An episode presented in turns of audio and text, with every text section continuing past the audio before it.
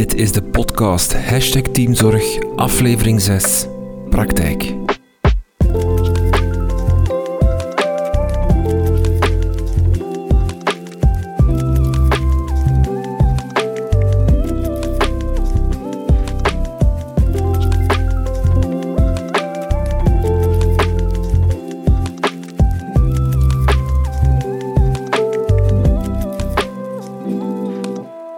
De laatste aflevering van deze podcast laten we mensen uit de praktijk aan het woord over hoe zij aan teamzorg doen op hun school. We willen horen wat zij doen om hun team te ondersteunen en hoe zij ervoor zorgen dat iedereen binnen het team gemotiveerd blijft en zich goed voelt. We praten over de uitdagingen die zij tegenkomen bij het bevorderen van teamzorg en hoe zij die aanpakken om een gezonde werkomgeving te creëren voor hun team. Luister mee naar de verhalen en advies van de mensen die elke dag werken aan teamzorg in het onderwijs.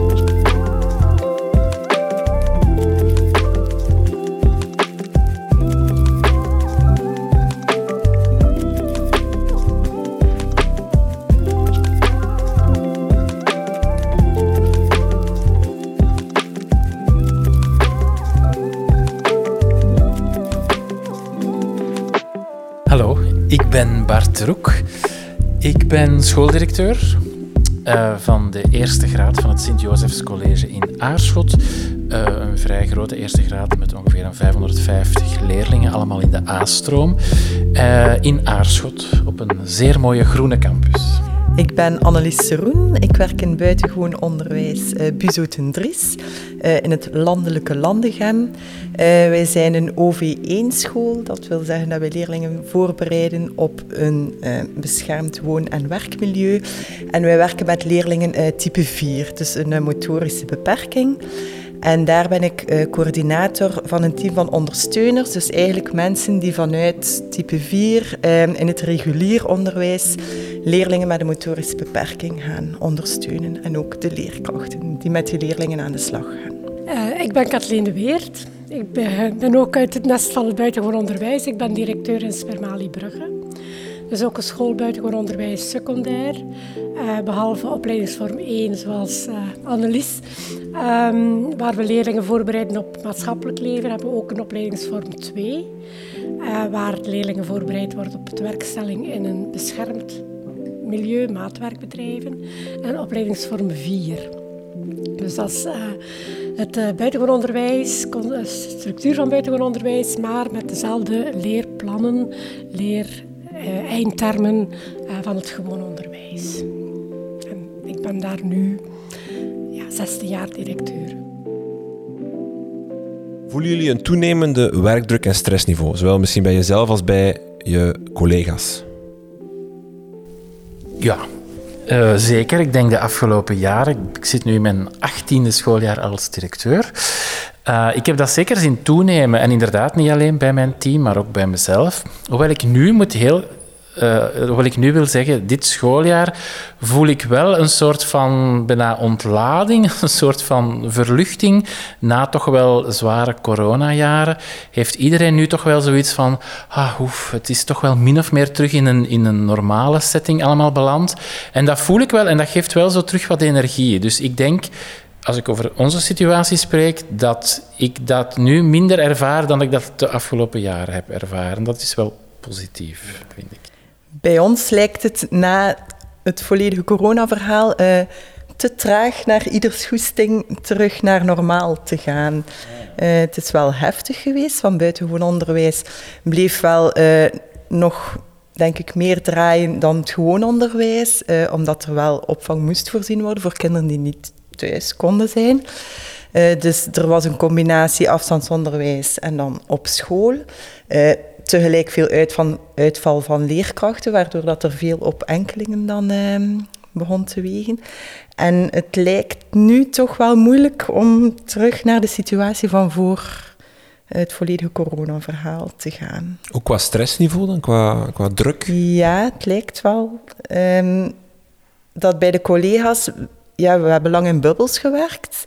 En die raken precies moeilijk weg ook onder collega's, uh, blijft zo'n beetje... Er is een afstand die nu niet helemaal terug weg is. Uh, wat ons betreft, uh, we zijn een organisatie die eigenlijk al heel wat jaren in transitie is naar een nieuwe organisatiestructuur. Uh, we werken heel nauw samen met het begeleidingscentrum. Uh, zorg, onderwijs op elkaar afstemmen. Dingen die veranderen in onderwijs, ondersteuningsteams die vanuit onze school naar het gewoon onderwijs vertrekken. Een nieuwe campus opgestart. Uh, we blijven eigenlijk in transitie en dat, dat blijft een heel hoog niveau van druk en werkdruk en veranderingen.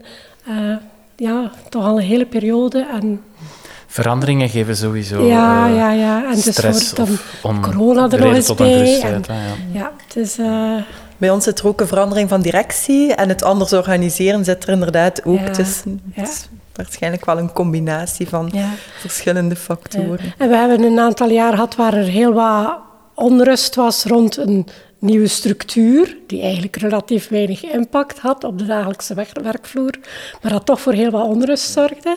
Die structuur is geland, dat is afgeklopt, maar dat nu houdt het in dat we eigenlijk naar een cultuuromslag gaan. Ja, het is het woord van de zelfsturing en de autonomie, maar dat vraagt in cultuur en in denken zo ingrijpend veel. Um, we zijn er nog niet helemaal door, denk ik. Hoe reageren jullie als schoolleider, zal ik jullie alle drie even benoemen. Als er een, een collega leerkracht uitvalt met psychosociale problemen of, of, of vanuit psychosociaal welzijn, hoe komt dat binnen bij jullie? Ja, dat komt zeker wel binnen, hè, want je gaat toch altijd een beetje de reflex maken van, goh, hadden we dat niet kunnen, had ik dat niet kunnen vermijden, of hadden we dat, de school dat op een andere manier moeten aanpakken. Maar ik denk dat het vooral belangrijk in die situatie is dat je goed luistert naar van waar komt dat en hoe is dat zover kunnen komen. En iedereen heeft ook wel zijn individueel verhaal. Hè. De leraar die s morgens binnenkomt, die heeft misschien al een paar uur iets achter de rug dat wij niet weten. Um, en ik denk wel dat het heel belangrijk is dat je daar als, als schoolleider, dat je daar ook aandacht voor hebt. Hè? En dat je ook niet onmiddellijk de, de schuld, laten we het dan noemen, of zo, dat je dat bij jezelf gaat leggen of bij je organisatie. Maar het is wel iets waardoor dat je kritisch moet blijven kijken van de manier waarop dat wij bezig zijn, de dingen die wij vragen van leraren. Is dat inderdaad realistisch of hè, ligt die lat soms niet te hoog? Dus dat is wel iets dat je, je moet jezelf wel, of je organisatie ook, uh, wel voortdurend in vraag blijven stellen, denk ik. Is er een soort van schuldgevoel soms? Ja. Automatisch ga je zeggen, ja, je oh, denkt dat ja, toch, zijn hier ja. Uh, niet buiten proportie aan het gaan. En soms merk je ook mensen um, tegen zichzelf daarin moeten gaan beschermen. Hè. Dat zijn vaak de mensen die, die uh, op een bepaald moment zeg maar, crashen. Dat zijn mensen die vaak heel veel uh, hooi op een vork nemen. Hè. En die zelf initiatieven nemen. En als je een oproep doet voor een of andere activiteit, ja, die daar onmiddellijk uh, bij betrokken zijn en waar je echt wel eens moet mee aan tafel gaan zetten van oké, selecteer nu eens waar je uh, mee bezig bent. Hè. Nu, wij, zetten wel, of wij proberen heel erg in te zetten op een... Wij hebben een open deur... Open deur, hoort mij. Open deur cultuur. Engelse dat betekent dat mijn deur ook wel altijd open staan, die van de coördinator. Dus, uh, dus ze kunnen ook altijd binnen. Om op die manier toch ook wel proberen... Uh, misschien een beetje proactief al dingen te ondervangen. En mensen al een beetje te zeggen van, ja, maar je moet nu niet alles, hè, eh, neemt u een tijd daarvoor. En, uh, en dat helpt wel. Ik denk dat mensen dat op een duur wel weten van, oké, ik kan hier wel terecht. En misschien tijdig aangeven als het, dat het zover niet moet komen, dat ze uitvallen. Hè. Lukt natuurlijk niet bij iedereen, hè, maar we proberen wel die cultuur erin te krijgen van geef maar aan als het niet lukt en dan kijken we hè, waar het probleem zit of wat dat wij kunnen doen. Ik denk dat het belangrijk is inderdaad dat daar ruimte voor is. En dat er vanuit beleid ook gezegd wordt van het is ook aan jullie, of, of er is de mogelijkheid om aan te geven van hoe dit wordt hier wel heel erg veel, want het zijn vaak de meest betrokken medewerkers die inderdaad ehm, op een bepaald moment te veel hooi op de vork hadden dan. Ervaren jullie een link tussen welbevinden van de leerkrachten en het onderwijs dat gegeven wordt, of het onderwijsniveau dat gegeven wordt, de kwaliteit van onderwijs? Ja, sowieso. Ik denk dat een leerkracht die goed in zijn of haar vel zit, dat die ook met een andere mentaliteit voor de klas zal staan en dat die op een, op een, op een ja, misschien een beter of een hoger niveau kan met die leerlingen tot leren komen dan wanneer dat je zelf niet, niet 100% voelt of dat je niet gewoon in je vel zit. Hè. Ik denk dat dat een logisch verband is. Wij zijn een heel klein team. We hebben een, de school buitengewoon onderwijs heeft 50 leerlingen, een BUZO dan. Ehm, en we staan ervoor gekend om echt te gaan voor de leerlingen. En als er dan veel ongenoegen of onrust is bij de leerkrachten, ehm, straalt dat uit. Uh, in de schoolsfeer eigenlijk. Hè. Dan, dan krijg je niet meer die warme familiale sfeer waar dat de gasten prioriteit zijn, maar dan, ehm, ja, dan, dan slaat dat wel heel snel om. Dus ik denk dat dat heel belangrijk is om te bewaken dat het personeel zich goed blijft voelen en er zin heeft. Die goesting... En leerlingen die pikken dat ook snel op. Hè? Zeker. Uh, Dus die zijn daar ook wel gevoelig aan natuurlijk. Hè? Wie dat er voor hun staat en op welke manier dat, dat, dat, gebeurt. Ja, en dan is dat heel dat teamverhaal wel ook een, een centraal gegeven. Dan, dan heb je een team dat ook er samen voor moet zorgen dat er goed onderwijs gegeven wordt. En die elkaar ook verzorgen. Hè. Um, die, die, ten, het, het raps van al opmerken wanneer er iets niet, niet helemaal goed loopt. En, um, maar dan bedoel ik dan ook met die hele grote cultuuromslag, uh, dat men daar elkaar ook over aanspreekt. Dat dat niet, je merkt het, en ik zeg het tegen een andere goede vriendin, maar ik ga niet naar die collega zelf toe, maar wel... Die, die, die, verbondenheid binnen een team, dat vertrouwen dat dat ook vraagt binnen een team, om um, dan niet altijd via de directeur of via een coördinator, maar in de rechtstreekse contacten ook een plek te ja, Het is die veiligheid, hè, en dat blijft voor sommige leraren toch nog een, een moeilijk gegeven. Van, uh, stel, ze hebben moeite met, met klasmanagement, om dat inderdaad bespreekbaar te maken. Laat staan met mezelf, met de coördinator, maar ook met een collega, terwijl wij dat net heel erg stimuleren, van bijvoorbeeld met vakgroepen. Maak dat daar bespreekbaar. Dat is een veilige omgeving. Hè. Je, kan, je kan elkaar tips geven. Je, hoe pak jij dat aan? Maar dat blijft voor sommigen een, een Dat blijft heel lastig. Verhaal, dat is ja. zo'n grote drempel van... Ik, nu haal over welbevinden enerzijds, maar over bijvoorbeeld klasmanagement. Maar ik kan dat toch niet zeggen? Ik ben toch maar een collega? Hey, maar dan, dan plaatsen ze het bij, bij iemand, ja, een coördinator of bij mij als directeur, die er niet rechtstreeks bij betrokken ben, die het niet echt ook ziet gebeuren... Uh, waar je dan ook meteen in een hiërarchische positie terechtkomt, terwijl die collegiale steun zo, zoveel ja, uh, die kwetsbaarheid naar buiten brengen is niet altijd eenvoudig. En ik denk dat het fijn aan het project ook nu, er wordt heel veel gezegd over zelfzorg, maar dat nu echt de nadruk op teamzorg is, dat, dat de verantwoordelijkheid niet bij de mensen zelf ligt, maar dat we voor elkaar wel verantwoordelijk zijn en daar een functie, allez, een rol in te nemen hebben om uh, waakzaam te zijn voor elkaar en daar samen uh, te kunnen aan werken. Is het voordeel ook bij teamzorg dat het niet alleen op jullie schouders belandt om te zorgen dat iedereen zich goed voelt, maar dat, wat ook onhaalbaar is, zal ik maar zeggen, om, om al van de schoolleider te verwachten dat hij voor iedereen zorgt, maar dat er inderdaad hè, dat er meer een soort van iedereen zorgt voor elkaar gevoel komt. Bij ons is de slogan op school, maar dat is misschien een dooddoener. Onze slogan is schoolmaken, dat doen we samen. Dat is iets bij de eerste uh, bijeenkomst met ouders en leerlingen begin schooljaar, zeg ik dat ook, dat is hier niet mijn school. Dat is niet die van jou en niet die van eh, de leraar Frans, maar die is van ons allemaal. Dus iedereen heeft daar zijn verantwoordelijkheid. En dat probeer ik er toch echt wel in te krijgen van... Dat moet samen zijn, want inderdaad, ik alleen ga dat niet uh, kunnen. Hè, bedoel, uh, maar we moeten daar allemaal ons steentje toe bijdragen. En door dat een aantal keren te blijven herhalen, komt dat er wel in hoor. Ik denk dat, dat we daar wel op goede weg mee zijn. Niet dat dat uh, eh, 100% perfect loopt, maar ik denk wel dat mensen het gevoel hebben van oké, we mogen hier ook wat verantwoordelijkheid krijgen. Ook leerlingen, ook ouders, die betrokkenheid daarvan is ook heel belangrijk. Dus ja, dat samen schoolmaken, dat zit een beetje doorheen. Dat is de rode draad door onze, door onze school, zal ik zeggen.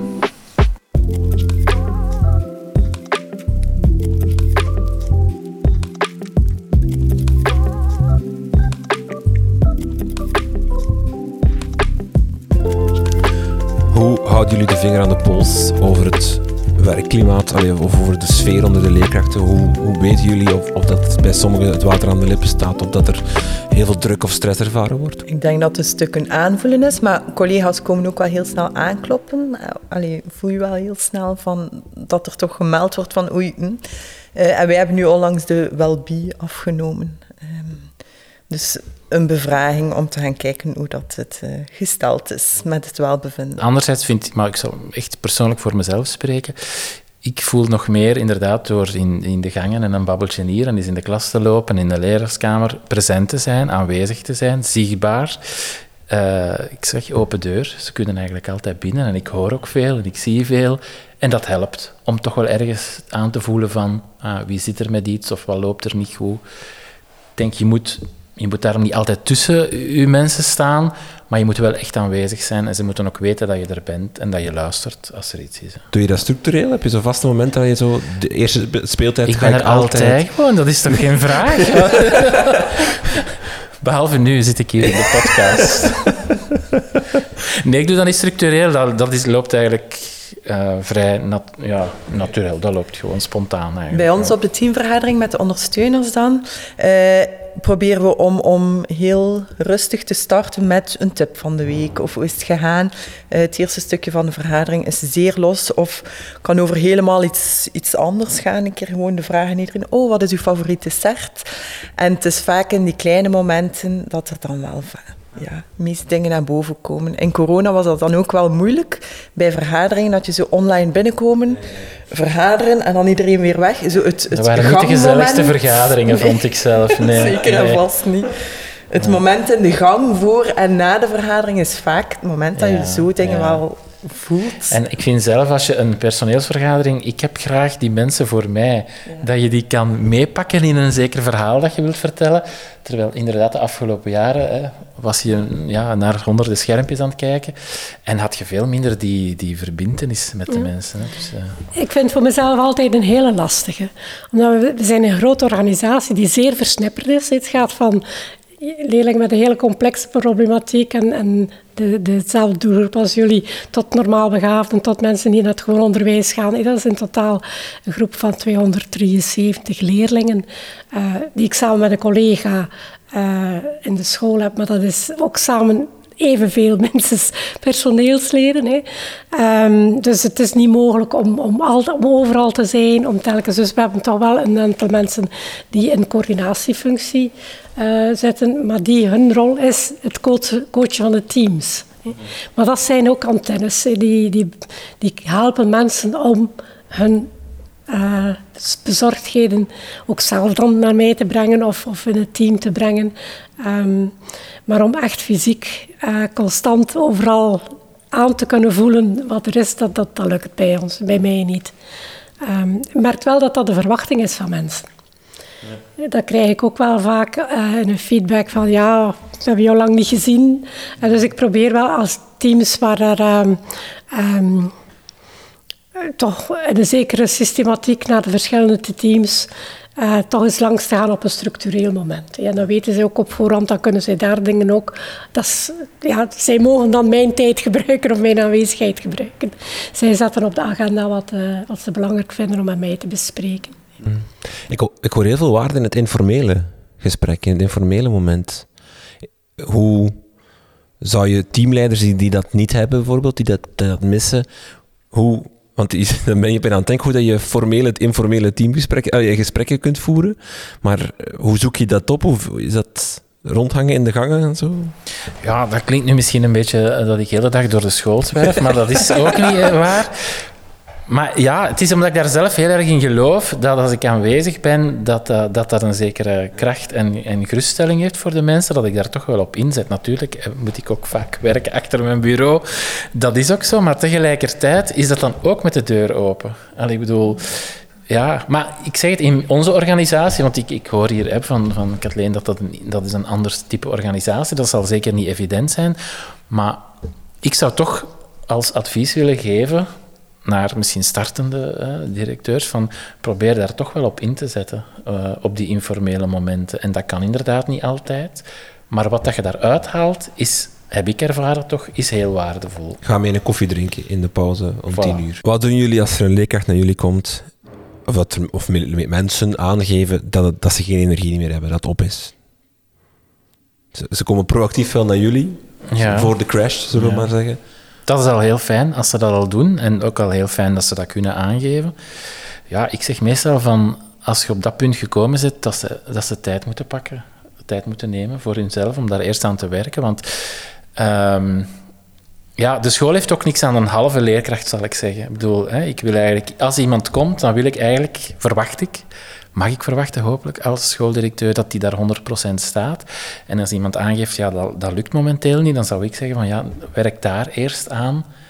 Zorg dat dat in orde is, dat je er terug staat en kom dan terug.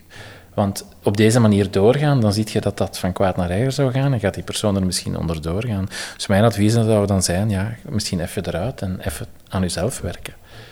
Of begeleiding zoeken of hulp zoeken. En, allee, bedoel, in een gesprek, hè, ik ga dat niet zo direct zeggen van uh, je, je, moet er nu uit. Maar ik vind het ook belangrijk dat als mensen dat durven aangeven, ja, het, het lukt even niet, ja, dat is ook geen ramp, hè, dat, is, dat is menselijk. Maar dan moet je eerst even tijd nemen om aan jezelf te werken. We hebben ook geïnvesteerd om uh, mensen op te leiden tot coach.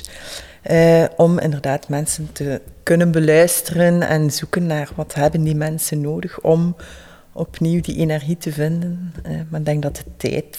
Ja. Nu, en vaak, dat is natuurlijk niet bij iedereen, maar vaak is het ook soms gewoon van. Zijn die mensen al van, oh oké, ik kan hier even wel terecht met mijn verhaal, er wordt naar geluisterd. Ik heb meestal ook niet direct een oplossing daarvoor, dat, is, dat werkt zo niet. Maar voor die mensen is dat heel vaak al van, oké, er wordt wel even geluisterd naar wat ik hier te zeggen heb. En dat, allee, dat betekent vaak toch al iets. Erkenning. Ja. Dat is vaak al veel. Erkenning en de tijd krijgen inderdaad. En niet met een schuldgevoel opgezadeld worden dat je daar die tijd voor nodig hebt. Um, de grens ook wel bewaken. Je kunt luisteren, maar je bent uiteindelijk wel de school. Je bent de professionele omgeving en niet de therapeutische, uh, waar die mensen soms nodig aan hebben. Maar dan ook het terugkeren vind ik dan uh, een heel belangrijk uh, proces. Om daar samen te kijken van oké, okay, wat, wat, wat kunnen we nu binnen onze organisatie binnen de lijnen die onderwijs uh, zet, toch gaan creatieve uh, oplossingen bedenken om ja, terug uh, de stap te kunnen zetten. Maar uiteindelijk heb je als schoolleider heb je soms weinig in handen. Hè? Je hebt soms weinig middelen om, mm. om mensen in een andere functie binnen ja, je school te is, dat, is dat iets wat, wat zou kunnen van iemand die zegt van dat wordt soms die gevraagd. 20 uur lesgeven, dat gaat dan moeilijk. Ik, ik, ja, dat, dat, daar kan je nog over praten van oké, okay, er is misschien een vermindering van uren. Maar soms vragen mensen ook van ja, kan ik tijdelijk misschien niet voor de klas in een andere functie, maar ja, die heb ik niet. Hè? Ja. Dus dat, op dat vlak hebben wij heel weinig uh, speelruimte. Voilà. Ja, bij onze organisatie kun je nog eens naar een andere doelgroep, een andere opleidingsvorm. Als ze daar wat, dat bekijk je toch wel telkens bij, bij de start van een schooljaar of bij de voorbereiding van een schooljaar. Zijn er daar echt uh, ja, mensen die een, een, een, ja, vraag stellen. Soms kunnen we erop ingaan. Vaak kunnen we ook inderdaad niet altijd niet, niet, ja, geen oplossing vinden binnen de, het kader van onderwijs. Werk en privé. Um, dat is vaak gescheiden, of dat wordt gescheiden gehouden. Hoe kijken jullie daarnaar? Want vaak zijn die twee niet van elkaar los te trekken. Is het, is het door het werk dat het privé minder gaat, of door het privé dat het werk minder gaat? Die twee zijn vaak wel met elkaar verstrengeld. Hoe, hoe ga je daarmee om? Ja, heel vaak is het als mensen tegen een muur aanlopen, ligt die oorzaak niet altijd op school, ook vaak niet op school. Gaat het over die combinatie, gaat het over de, de, de fase waarin ze zitten in de loopbaan, speelt ook. Hè. Een jonge starter, een, uh, jonge gezinnen, uh, zorg voor ouders. Um, ja, dan zijn de, de verlofstelsels heel vaak het, uh, de oplossing. als, als daar de, het knelpunt in zit. Maar die balans ja, dat is niet alleen op school of in, binnen een onderwijscontext dat die balans nee, er. Uh, nee. Bij mij is dat ook nog wat moeilijker. Mijn vrouw geeft ook les bij mij op school. Ja. dus werk en privé. Komt dat bij u? Loopt soms wel eens uh, door elkaar. Um, wat doe je als een leerkracht bij jou komt en zegt: Ja, ik ga scheiden? Ik, ik kan me niet concentreren. Ik, ik, ik, ik, ik ben maar de komende tijd maar 80% leerkracht, sorry. Ja, dan wordt er ook geluisterd even naar dat verhaal. Hè. Uh, zoals ik zeg, een leraar is niet alleen maar... Ik zeg dat tegen mijn leraren zelf ook. Ik bedoel, ik heb gelukkig ook nog een leven buiten de school. Hè. Gelukkig maar. Uh, en het een geeft energie voor het ander heel vaak. Hè. Dus ik vind dat zelf ook iets belangrijk om als schoolleider aan te denken, dat je dat in balans probeert te houden. Uh, ik ben zeker niet het type schooldirecteur dat alleen maar voor zijn school leeft. Ik, ik leef daar 100% voor, absoluut. Maar ik heb gelukkig ook nog heel veel leuke andere dingen. En dat zeg ik ook tegen mijn collega's. Uh, je moet daar ook naar zoeken naar die dingen die u energie geven. En soms is dat uw werk, maar soms is dat ook iets in uw privé. En als het in uw privé soms niet goed gaat, ja, oké, dan, moet, dan moet daar ook proberen aan gewerkt te worden. Hè. Want ja, iemand brengt dat toch wel mee binnen. Hè. Ik bedoel, iemand zit thuis in een, in een moeilijke situatie. Ja, die draagt dat ook mee binnen in de school. En dat zijn dingen die wij niet kunnen oplossen, maar waar dat we ook wel even kunnen naar luisteren en misschien meedenken van ja, wat kan eraan gebeuren. Maar ja, uiteindelijk zijn er ook zaken die die personeelslid zelf zal moeten oh ja, proberen op te lossen of op in een andere flow te krijgen. Hè. En daar hebben we ook wel dat, dat gevoel als je echt een team vormt, hè, die samen voor een groep leerlingen verantwoordelijk is, dat je daar ook die, die ondersteuning van je collega's helpend is. Dat, dat, die um, niet met een extra schuldgevoel van een week afwezig of twee weken afwezig uh, die tijd nemen, dat collega's daar begrip voor hebben, dat die samen uh, die, die, die korte vervanging onder elkaar regelen, um, die, die team uh, steun uh, kan je als directeur ook niet overnemen. Je kan luisteren en je kan, kan zeggen, neem de tijd, maar als er daar ja, geen collegiale achterban is, dan, dan vertrekken die nog eens met schuldgevoel na 14 dagen met leerlingen. En ja, dat helpt. Dat is om, om daar rapper weer een, evenwicht in te vinden voor, voor zichzelf, wat dan ook de persoon uh, ook maar ja, kan helpen, denk ik. Nemen jullie maatregelen om de werk-privé-balans dan vooral naar uh, s'avonds laat geen, geen allee, dat, dat leer, leerkrachten niet doorslagen in, in het soort van tot s'avonds laat werken of, of beschik, eh, rond beschikbaarheid indirect, dus rond die privébalans om dat te beschermen ja, van je jullie hebt nu collega's? sinds twee weken of drie weken zeker die functie op Smart School waarbij dat je uitgesteld je bericht kan versturen. We hebben het daar in onze pedagogische raad, dus waar de verkozen leraren samen vergaderen met ons in zitten over gehad. En we hebben dat voorlopig toch besloten om dat niet in een, in een vaste regel te geven, omdat ze daar ook wel echt aangeven. Ja, mensen zitten in verschillende fases in hun leven. De ene moet eerst met de kleine kinderen bezig zijn en gaat pas om negen uur aan het werk terug voor school, terwijl de andere wil dat om vijf uur bij wijze van spreken al doen. Dus we kregen daar zo geen lijn in. Uh, ze hebben wel gezegd van ja, het zou fijn zijn dat daar misschien dat de verwachting wel wordt uitgesproken van we moeten niet onmiddellijk antwoorden. Hè? Dat, dat vinden wij ook. Maar omdat echt, we hebben dat nog niet echt zo vastgegoten in een aantal regels. Bij ons is het ook nog niet vast, maar als je een mail begint te typen na de schooluren, komt er wel een melding op van moet het nu? Ja, ja. Dat is, dus, dat is een gezonde reflex, maar, hoor. Dat is maar het doet u wel telkens eens nadenken van... Ja. Ja, oké. Okay. En, en ook stilstaan bij wat, wat verwacht ik nu van, van de ander. Je kan niet onmiddellijk een, een reactie verwachten. Dat vind ik zelf wel in de ja. loop der jaren, hè, zo misschien 15 jaar geleden, als schooldirecteur stopte het misschien wel eerder op een bepaald moment, terwijl nu met bijvoorbeeld met Smart School, en ik zeg Smart School, want ik werk daar graag mee, maar ja, je moet dat bewaken, want anders stopt het nooit. Hè? Dan, dan gaat het door, ook in het weekend gaat het dan maar door en krijg je berichten heel de tijd. Dus je moet dat toch wel wat bewaken. Ik vind, dat, Want ik vind zelf ook, er zijn dan ook WhatsApp-groepen. Uh, en ik probeer zelf ook te bewaken dat in de WhatsApp-groep dat dat wel dan meer het privé leuk, gelukkige verjaardag. Maar soms komt daar ook wel werk gerelateerd en dan wordt er misschien eerst een mail gestuurd niet onmiddellijk antwoord, woep, in de WhatsApp een vraag.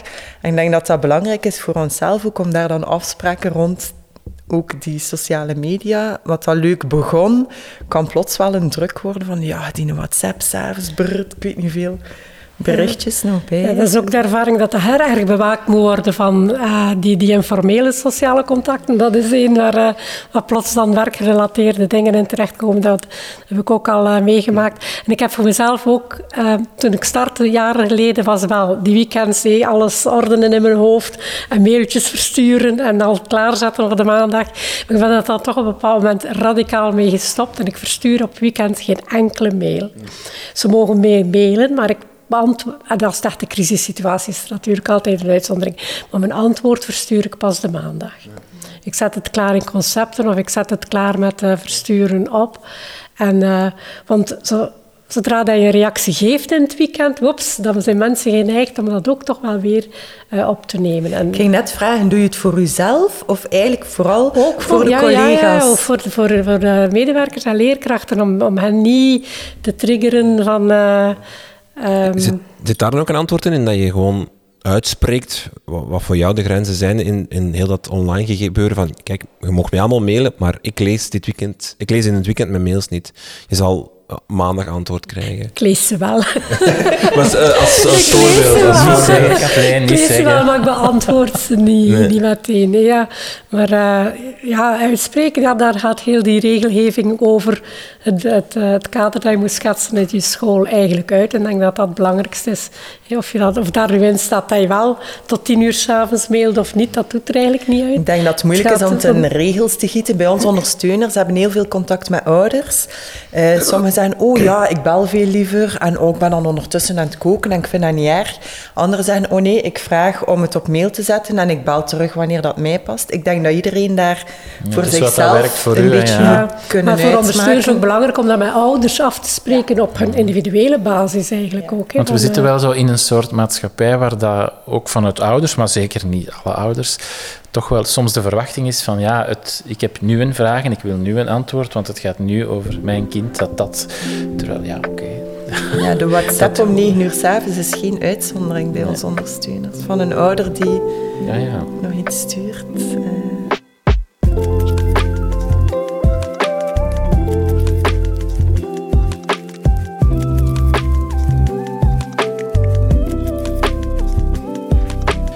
Zien jullie een oplossing in, in meer samenwerking als soort van hefboom naar teamzorg? Onderwijs eh, heeft op zich wel ergens een, een, een naam van, van een individuele job te zijn, toch? Je staat alleen voor die Niet klas. in het buitengewoon. Ja, oké. Ik, zal, ik zal vanuit mijn secundaire... minder, ja.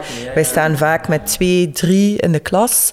En ehm, daar wordt er nooit gezegd van, oh nee, liever niet. Eh, het is hier mijn klas, mijn ding. Daar, dat, hoe kan meer niet, dat kan niet in buitengewoon hoe meer vreugd nee. eigenlijk. Ja. Ehm, Daar is bij ons zeker nog werk aan. Wij proberen dat zelf te stimuleren door te zeggen, mijn deur staat open, maar bij die klasse gaat die toch nog heel vaak dicht. Eh, en wij proberen dat te stimuleren, van van elkaar te leren, met elkaar op bezoek te gaan. Maar ja, ik denk dat we daar zeker nog stappen in te zetten hebben. En dat dat, allee, dat, dat voor leraren alleen maar een positief Het is een beetje een, gevoel van controle die... Allee, het- Ja, soms misschien het wel, waarschijnlijk. waarschijnlijk kijken, maar- ja. ja. Ehm, bij onze school zit dan daar toch wel een, een onderscheid tussen de OV4-klassen, die neigen naar het, ja, de gang van zaken in het gewoon onderwijs. Je hebt de vakleerkrachten. Je moet een combinatie maken tussen klassenraden en vakgroepen, waar, waar, eh, dat, dat, dat is zo die matrix. Een OV1, OV2, dat, dat zijn echt heel collegiale samenwerkingen. Dat, dat is... eh, dat kan je niet zonder elkaar. En ja, in, het, in een OV4 merk je ook wel... Ja, ik zou liever hebben dat mensen gaan eh, bij elkaar lessen bijwonen en, en hospiteren. En, en soms werkt het, maar soms werkt het niet. En, en ja, aan die vakgroepwerking is er zeker nog werk. Bij de ondersteuner- Klassenraden werken, vakgroepen, dat is... Dat is Ja. Onze ondersteuners komen op heel veel gastscholen. Dus zij worden soms met hè, een, een zeer warm welkom onthaald. Maar vaak worden ze ook gezien als indringers.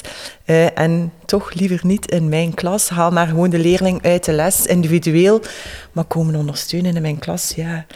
Eh, en dan plots merk je, op het moment dat het goed begint te lopen, dat er een paar positieve ervaringen zijn, dat ze dan zeggen, oh ja, kom toch maar binnen. Maar het is heel afhankelijk van, van de cultuur van de school ook. Sommige scholen ehm, ja, blijven heel gesloten en andere eh zeer, ja, ja, een groot verschil. Ik weet Ja. niet of het iets te maken heeft, maar we hebben dus in uh, buitengewoon onderwijs komt de klassenraad wekelijks samen. Niet van elke klas, maar het is wel structureel in de organisatie. En dat zijn teams die heel intensief samenwerken, een heel schooljaar lang.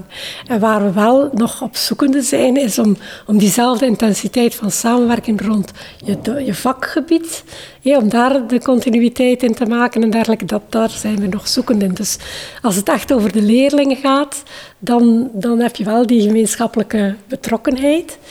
Um, wat eigenlijk ook wel warm is. Dat, is dat is ook de kern van buitengewoon onderwijs. Uh, leerling centraal. Uh, maar dan moeten we, om onderwijskwaliteit te hebben, die, die continuïteit over de graden heen van het vak, de, de vakken, nu met die, die globale leerplannen, dat vraagt nu nog meer afstemmen en, en samenwerken. Ja, dat is toch wel, uh, en dat dan realiseren zonder te gaan uh, heel veel tijd buiten lestijden te gaan inpalmen. Ja, mensen samenbrengen, ja, dan heb je rap een, een vergadering nodig. En je wint zo weinig mogelijk vergaderingen uh, bovenop de schooltijd doen. En dat is dan toch wel, uh, ja, dat is ploeteren. dat team dat dan elke week vergadert, elke week klasraad uh, doet, hangt dat dan beter samen? Doen die beter aan teams dan, dan, dan de andere teams die dat niet doen? Zie je daar een soort van oorzakelijk verband? We hebben onze teams ook zo gebouwd. Een team is een groep van leerkrachten die samen verantwoordelijk is voor het onderwijs aan een groep van leerlingen. dus dat gaat niet. Het team is niet de, alle leerkrachten aardrijkskunde of alle leerkrachten wiskunde. Die, dat is niet het team. Die moet vormen een vakgroep.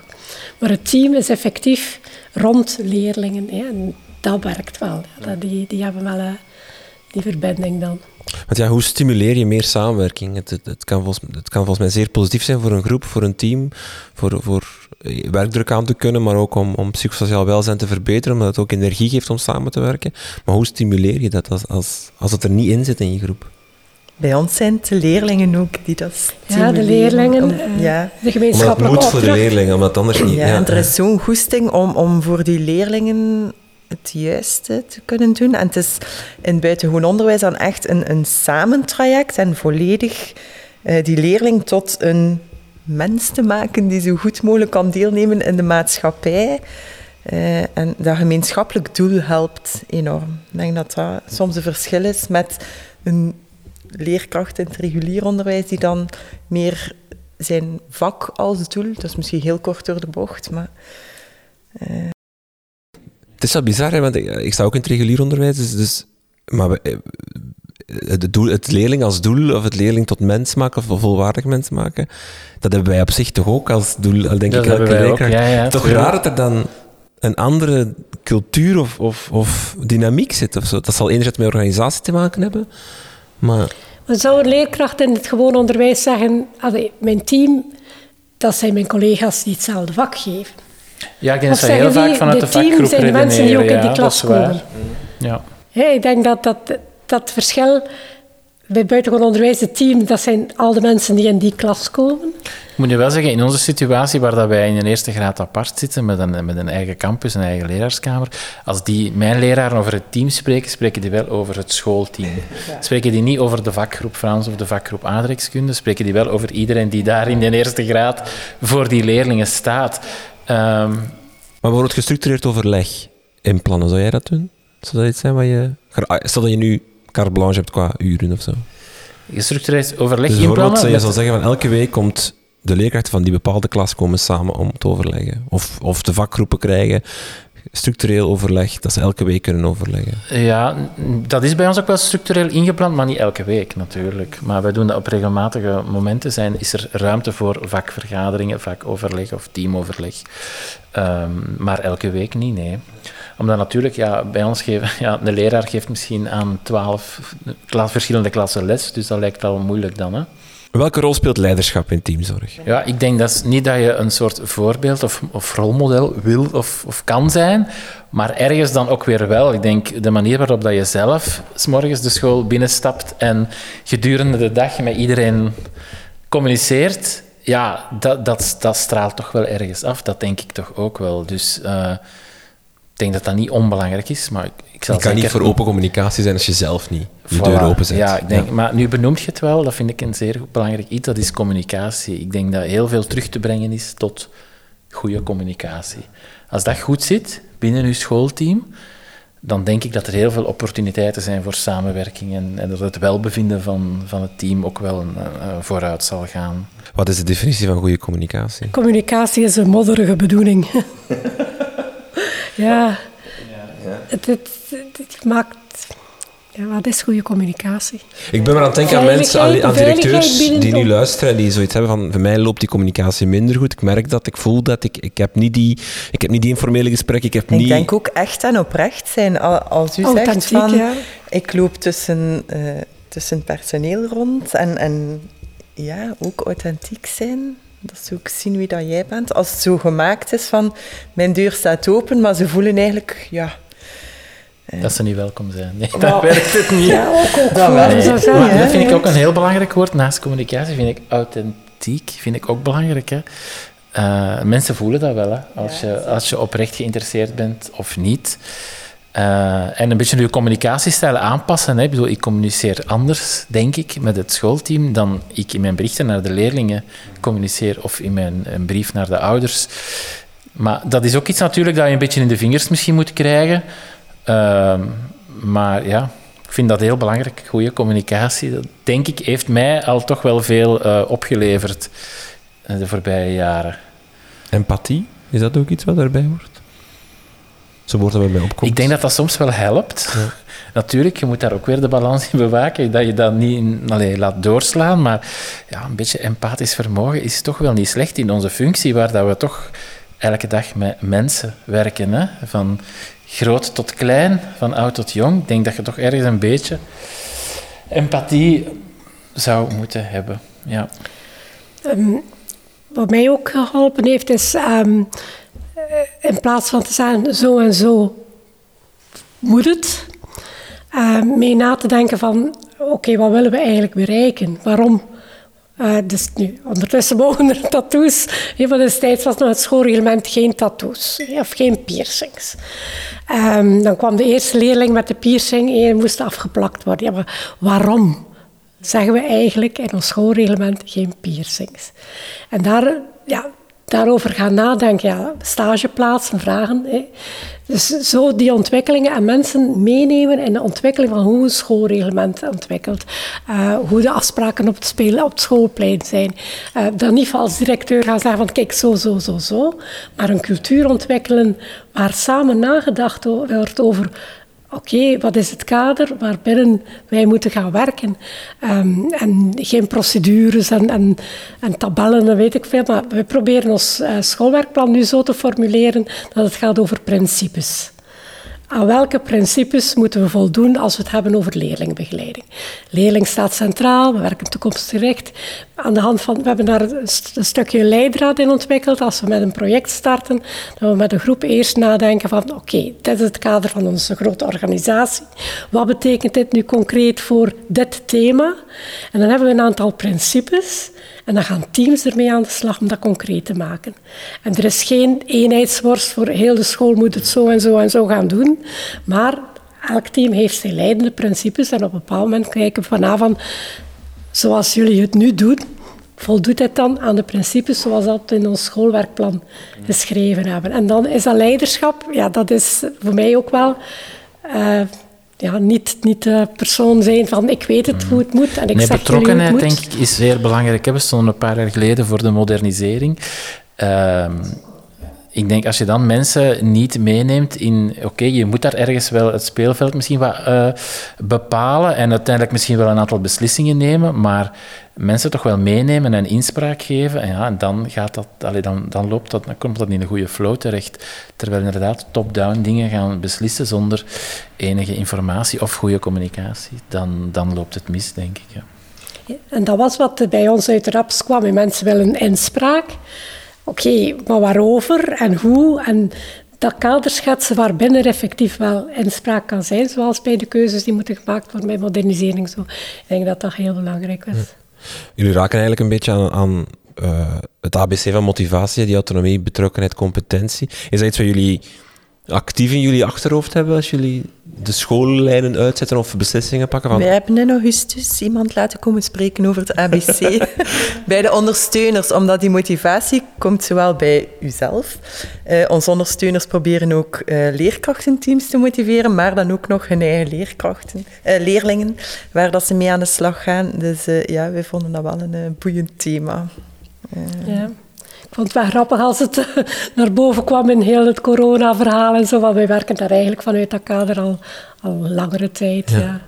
En dat is dan echt iets dat bij ons spreken, ik ga ophangt in jullie bureau van, ah, de, en dat je echt aftoetst van, ben ik hier die drie pijlers aan... aan het hangt niet omhoog, maar, het, is wel, het, is... Het, is wel aanwezig, ja. Omdat, ja, je ziet ook mensen groeien, hè. Uh, mensen moeten soms inderdaad of moeten gewezen worden misschien op hun, hun vaardigheden die ze hebben. Van, jij kunt dit, zou jij dat voor ons willen doen?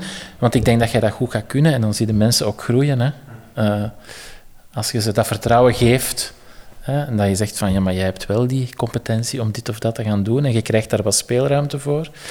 Ehm, maar ja, het vertrekt, die MB vind ik zelf een hele belangrijke, niet omdat ik Bart heet, maar de betrokkenheid bij de school. Ik denk dat daar heel veel uh, van vertrekt van, zoals ik er straks zei, het is niet de school van één iemand, maar ik ben hier wel een deel van die school en ik heb hier mijn verantwoordelijkheid te nemen in die school en ik mag die ook nemen. Ik denk dat dat, dat eigenlijk, een, voor mijzelf is dat een heel belangrijke, dat leraren dat gevoel krijgen. Ook leerlingen, ook ouders, hè. iedereen die bij het schoolleven betrokken is. Hoe, geef je dat gevoel aan, leerkrachten? Zeker als het gaat over wat als modernisering, gaf je net aan als voorbeeld. Dat is op zich iets wat uh, top-down wordt opgelegd. Op zich zit niemand... Alleen, niemand nee, maar bedoel, ja, ja, dat is het net. Hè. Je krijgt als school inderdaad uh, vanuit de overheid een, een, vrij strikt kader opgelegd. Maar toch heb je nog wel wat speelruimte. Ik denk, die moet je dan benutten om samen toch met je leraren te gaan kijken van hoe zou dat nu in onze school passen. En ik had daar natuurlijk zelf ook ideeën over. Hè. Maar ja, dan kies je er toch voor om... Iedereen heeft daar ideeën, we gaan die samenleggen. Wat gaat er voor onze school werken? En als leraren dat gevoel krijgen van... Oké, er wordt hier wel geluisterd en... Oké, okay, sometimes you win, sometimes you lose. Dat is bij mij net hetzelfde. Hè. Niet al mijn ideeën uh, kan ik uitvoeren. Gelukkig maar misschien. um, maar het dan vanuit een, een autonomie geven, creëert betrokkenheid? Als in van, ook, ik ga ja. niet alles beslissen, we gaan samen beslissen, dus jullie krijgen ja. ook een deelbeslissingrecht, ja. inspraak. Maar ik denk dat mensen dat ook aanvaarden, ook... dat er uiteindelijk iemand moet misschien de, de finale beslissing nemen, zal ik zeggen. Zolang maar dat is wel na overleg is, gebeurd. Ik denk dat het ook wel heel belangrijk is dat op voorhand duidelijk is, oké, okay, hier kan wel, is er ruimte en hier niet. Mm. En als er geen ruimte is, dat er ook gewoon gezegd wordt, oké. Okay, de wet is de wet, niet. die, ja. kun je niet... Uh, en dan maakt het heel moeilijk om binnen schoolcontext mensen echt autonomie te geven. Omdat die wetgeving zo complex is. Op personeelsvlak, op leerlingenvlak, op onderwijskunde. Het is een zeer, zeer complexe uh, wetgeving. Dus om daar zomaar te zeggen van oké, okay, ga maar je gang. Nee, dan, dan moet er eigenlijk altijd wel een poortwachter bij manier van spreken uh, de vinger aan de pols houden. Zouden jullie beter aan teamzorg kunnen doen? Moesten jullie meer mogelijkheden hebben op vlak van HR, van, van personeelsmanagement? Als in, en je hebt, je, je hebt uren, heel vaak nog gekleurde uren, heel vaak heel strikt, vaste benoemingen. Uh, al die dingen zitten helemaal heel vast. Hè.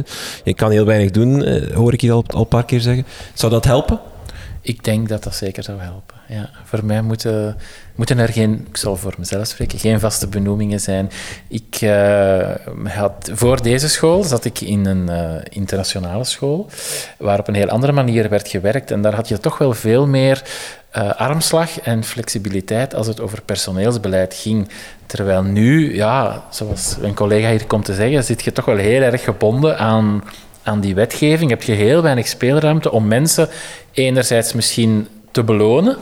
Uh, of anderzijds misschien, ja, als ze niet goed functioneren, zijn u uh, buiten ze proberen zo ver mogelijk toch te krijgen en zo goed mogelijk te coachen, zijn ook daar uw, uw mogelijkheden heel erg beperkt. En ja, dat, ma dat maakt het soms moeilijk. Van, het is inderdaad een beetje ehm, werken met de middelen en de mensen die je hebt. Hè. Uh, in mijn geval valt dat goed mee. Ik heb heel toffe mensen, maar ik zal dat nog eens benadrukken. Maar goed, ik denk dat mijn collega's wel weten wat ik bedoel. Hè. Je, hebt, je hebt daar weinig manoeuvreerruimte soms. Hè. En zo iemand die een fantastische leraar die nog heel veel engagementen.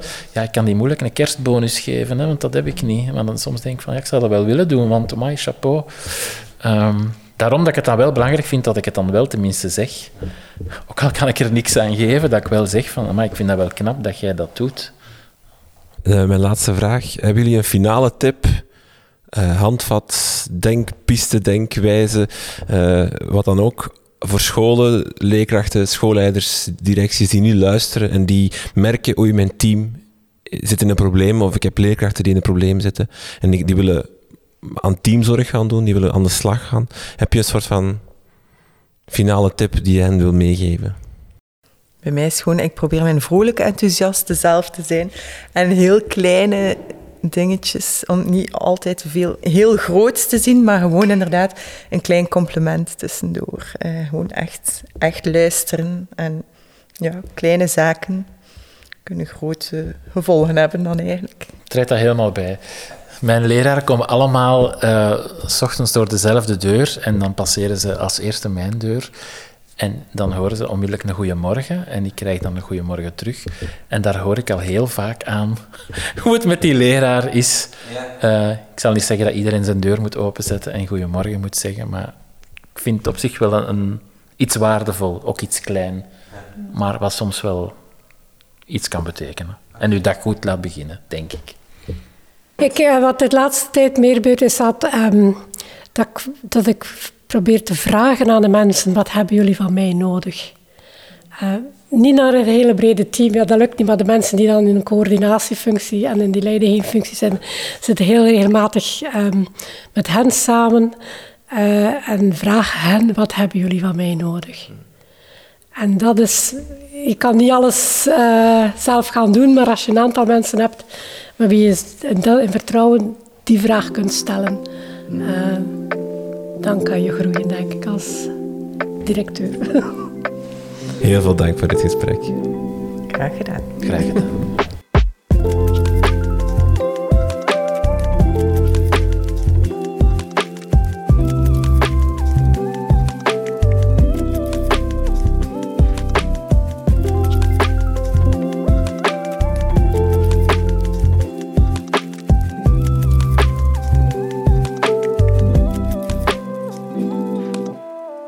Deze podcast werd gemaakt in samenwerking met Veranderwijs en de Koning Boudewijn Stichting. In zes afleveringen proberen we scholen handvaten te bezorgen om aan teamzorg te doen. Voor deze podcast werd het boek Teamzorg is zelfzorg gebruikt als leidraad. In het boek geven verschillende experts hun invulling aan het begrip teamzorg. De redactie van het boek werd gedaan door Anne Martin en Geertrui de Ruiter. Je vindt een link naar het boek in de show notes van deze podcast. Meer info vind je op www.veranderwijs.nu of www.dekrijtlijnen.be.